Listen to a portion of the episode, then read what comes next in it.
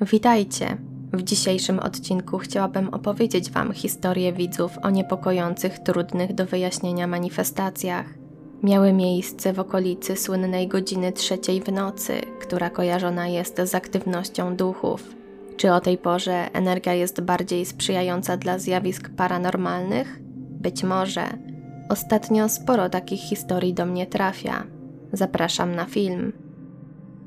Historia od Anonima w chwili obecnej jestem już przyzwyczajona do sytuacji, jaka ma miejsce w moim życiu. Niestety nie oznacza to, że jestem spokojna, jeśli chodzi o ten temat. Wszystko zaczęło się jakoś w 2016 roku, kiedy moja rozwiedziona z ojcem matka poznała nowego partnera. Po kilku miesiącach wzajemnych zalotów, obydwoje uznali, że nadszedł czas, abyśmy przeprowadzili się do Niemiec, gdzie ów partner mieszkał i pracował na stałe. Jako niepełnoletnia córka wraz z moim młodszym bratem nie mieliśmy wyboru. Niestety do osiemnastki brakowało mi trzech miesięcy.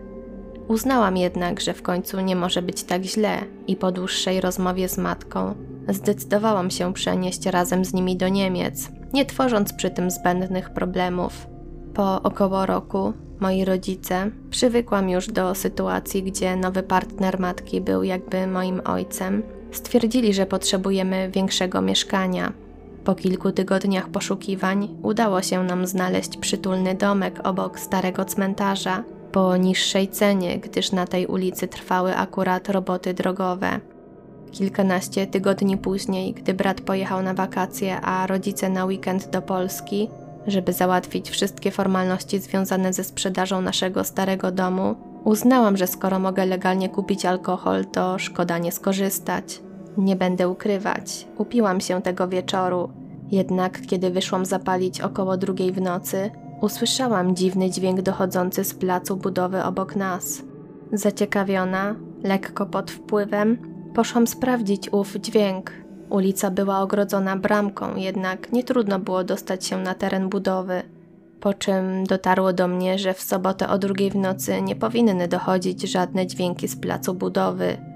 Stwierdziłam, że to pewnie mój zmieszany umysł i zaczęłam wracać do mieszkania z myślą, że pewnie wytłumaczenie jest bardzo proste i racjonalne. Wtedy nagle dźwięk ustał.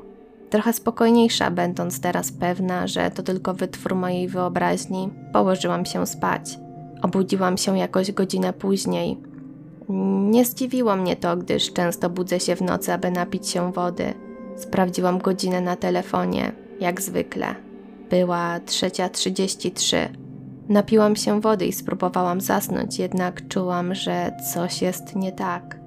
Boję się o tym mówić, ale gdy ponownie otworzyłam oczy, zobaczyłam dziwny cień obok okna, z którego było widać plac budowy.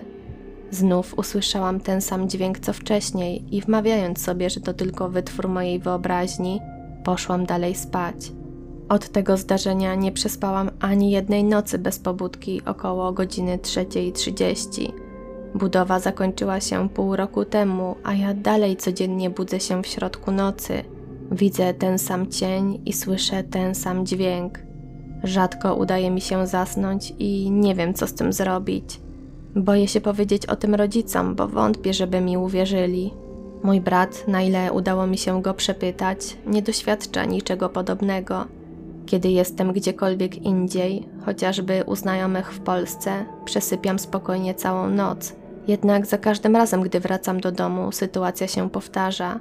Zastanawiam się tylko, czy gdybym wtedy nie wyszła zapalić, to czy dzisiaj mogłabym spać spokojnie?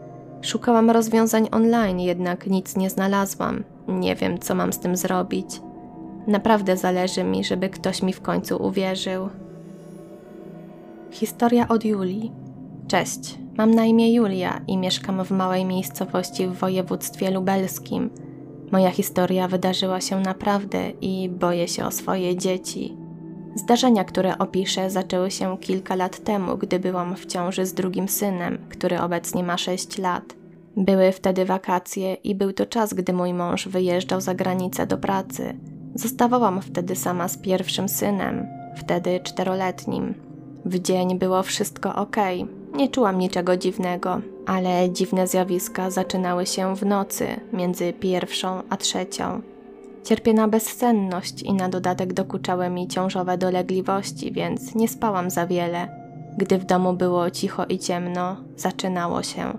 Za pierwszym razem usłyszałam kroki w przedpokoju, a potem powolne i ciche szarpanie za klamkę, jakby ktoś sprawdzał, czy zamknięte. Po chwili jednak coś zaczęło mocniej i szybciej szarpać za klamkę, że aż drzwi się trzęsły. Powtarzało się to każdej nocy przez ponad dwa miesiące, dopóki mąż nie wrócił z zagranicy. Wtedy wszystko się uspokajało. Gdy wyjeżdżał, zaczynało się od nowa. Pewnej nocy postanowiłam w końcu coś z tym zrobić. Wzięłam kij od mopa i stanęłam przy samych drzwiach, nasłuchując. Pojawiły się ciężkie kroki. To było dziwne, bo nie miały jakby swojego początku, ani nie pochodziły spod żadnego z mieszkań czy z dworu. Myślałam, że może to któryś z sąsiadów, ale w budynku mieszkają same starsze i schorowane osoby.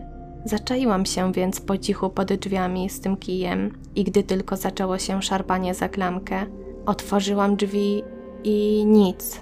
Nikogo ani niczego nie było. Ten ktoś lub coś nie zdążyłby tak szybko uciec po ciemku przez klatkę i schody. Bałam się, bo działo się to każdej nocy, tylko w czasie, gdy mąż był na wyjazdach, a ja przestraszona z dzieckiem i jeszcze w ciąży. Potem pewnego razu, gdy mąż wrócił do domu i już zasypiał, usłyszał to szarpanie klamki. Także poszedł to sprawdzić i tak samo jak ja, nic nie zobaczył. To był ostatni raz, gdy miała miejsce taka sytuacja. W lutym tego roku urodziłam kolejne dziecko i miesiąc po porodzie zaczęłam widzieć kątem oka czarny kształt, który znika jak tylko popatrzę w jego stronę. Na dodatek, gdy jestem sama w domu, a mąż w pracy, czuję się obserwowana, zwłaszcza w kuchni. Mam ostatnio ochotę z niej uciekać, jak tylko tam wejdę. Nie mogę tam wysiedzieć, bo czuję się, jak coś mi się przygląda. Ostatnio spadły z suszarki dwa plastikowe talerze, które nie miały prawa spaść, bo były pośrodku suszarki między innymi talerzami. Innym razem, jak wychodziłam z kuchni, spadł za mną obrazek z Matką Boską. Całe zajście widziała moja mama i siostra.